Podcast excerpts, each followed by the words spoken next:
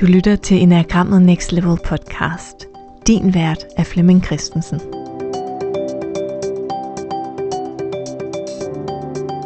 Velkommen til den her episode af podcasten Enagrammet Next Level. Det er en, øh, en del af en miniserie om den øh, rejse, jeg er på til Ægypten. Og lige nu befinder jeg mig i min kahyt på den båd, der tager os op af Nilen. Der er ret mange lyde på et skib. Så jeg, jeg sidder faktisk under tre dyner på min øh, seng, for at øh, se, om jeg kunne lave et lille lydstudie. et, et menneskeligt øh, lydstudie. Der er god trafik på, på Nilen. Der selvom vi kun er 20 mennesker ombord på den her båd, så, øh, så er der nogen, der går ovenpå på dækket eller udenfor på øh, kahytsgangen. Så det her det er et lille forsøg på, at jeg gør det nogenlunde øh, lytbart. Jeg har haft en fantastisk oplevelse her i det sidste tempel, vi var i. På væggen var der aftegninger af sådan en serie på 3x3. Og det er jo som regel guder eller guddommelige principper eller menneskelige kvaliteter, der er blevet illustreret. Og det var sådan en, øh, ja, 3x3 opdeling, som, som, som slog mig, og jeg spørger Ross Hudson, hvad, hvad handler det om? Og så siger han noget, der, jeg ved hvordan man skal sige det, men, men ændrer mit billede totalt på, hvordan Gurdjieff, som jo har været der og sikkert set det samme, har, har opdaget dyb mening i måske det samme billede endda. Hvordan øh, Oscar også har forstået noget om de der 3x3. Men det var det, Ross Hudson sagde, der, der åbnede op til, til alt.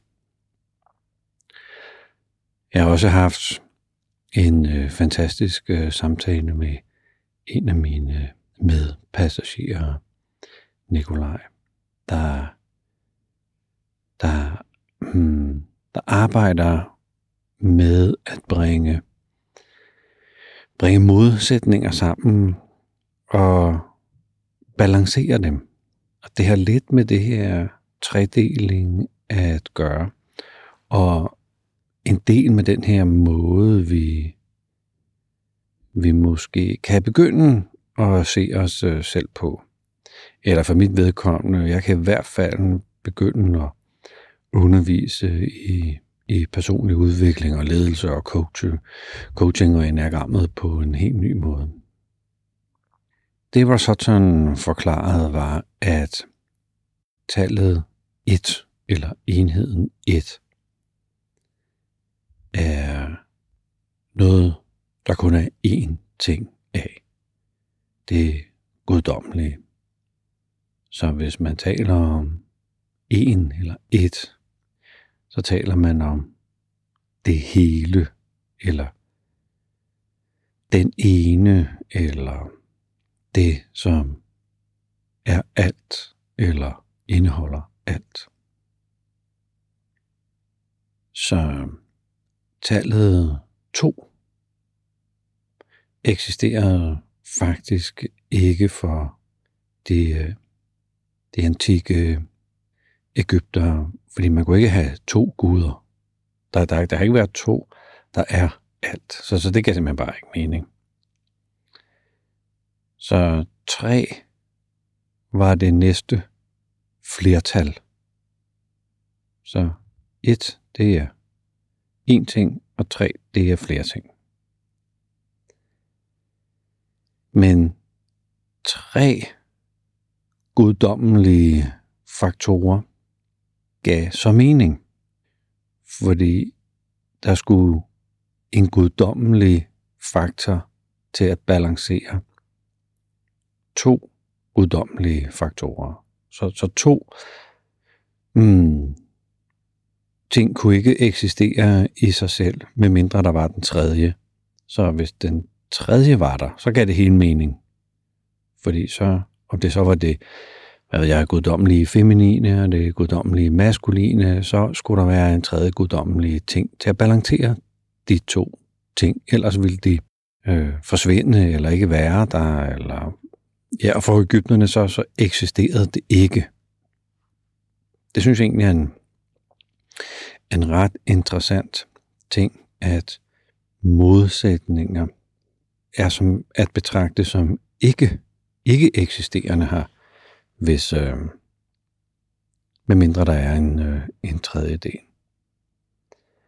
Og det vil man jo på Gurdjieffs og Enagrams sprog kalde sådan law of three, at der altid er noget, der balancerer noget andet. Det finder vi overalt i den måde, enagrammet er bygget op på. Så man kan sige, vi har kropscentre, hjertecentre og hovedcentre. Men, men det giver jo ikke mening at tale om krop og hjerte, medmindre man også taler om hovedet. Man kan ikke, man kan ikke kun have de to centre. Der, der, er, der er noget mere til, for at det hele bliver komplet. Så for Oscar har han bygget sine 108 enader op, som er altså 108 forskellige enagrammer, op omkring den her tredeling, at der, at der altid er en tredje komponent, der balancerer to andre komponenter. Og lige pludselig så bliver, giver alt mening, om det er basistriade, den sociale triade, om det er øh, ubalancerede centre, hvor uanset hvad det er, vi kigger på i øh, enagrammet, så er der altså mulighed for at gå ind og, og mm, kigge på, hvad er det, der balancerer. Hvad er det, hvad er det for noget, der, der skal med til at få dig tilbage i balancen, hvis du er røget ud af balancen. Og på den måde kan man sige, at, at der er der er en masse øh, ting, som enagrammet lige pludselig peger på. Så det kan være, nu hører jeg til type 3. Jeg skal lige lave mit studie om her.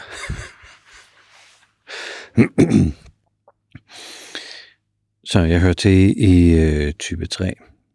Så hvis jeg ser på de streger, der er til 3 og 9, så hvordan balancerer jeg det, der ligger i nieren, med at der er noget, jeg ikke orker at kigge på, der er noget, jeg ikke orker at sætte mig ind i, der er nogle helheder, jeg simpelthen ikke har tid til at inddrage, fordi jeg har så travlt med alt det, jeg skal lave.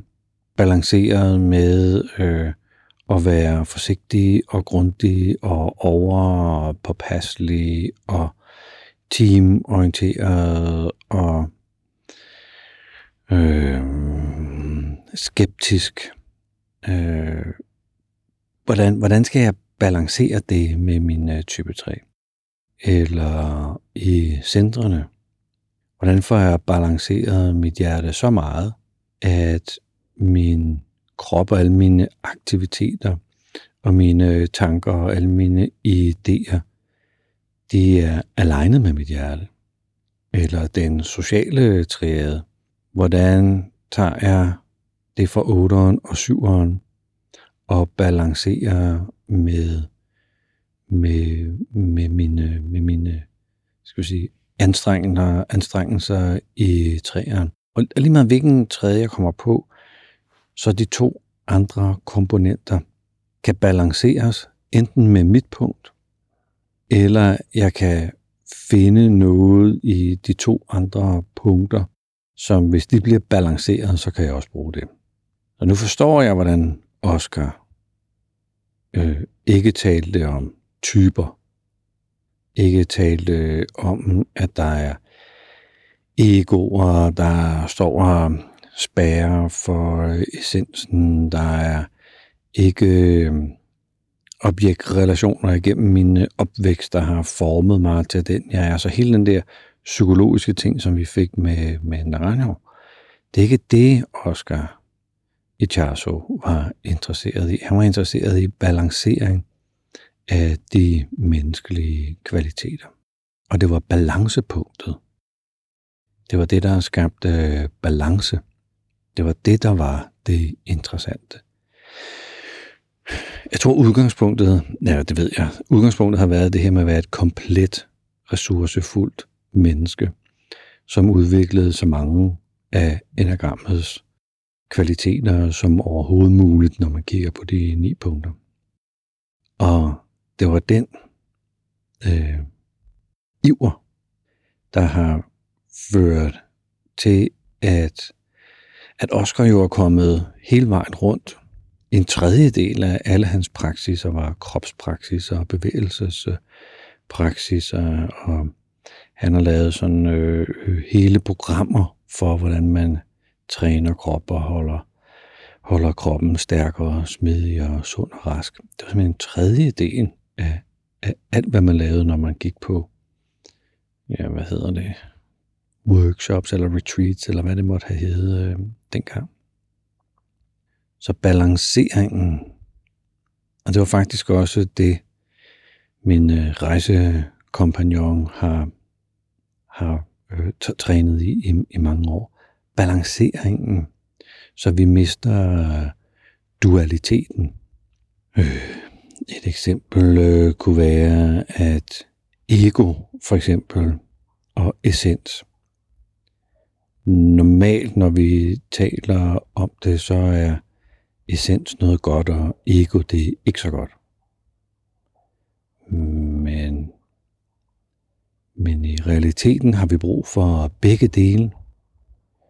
Så det, det store spørgsmål er faktisk mere om, hvordan vi får det balanceret, frem for at uh, vi skal have noget mere essens og noget mindre ego.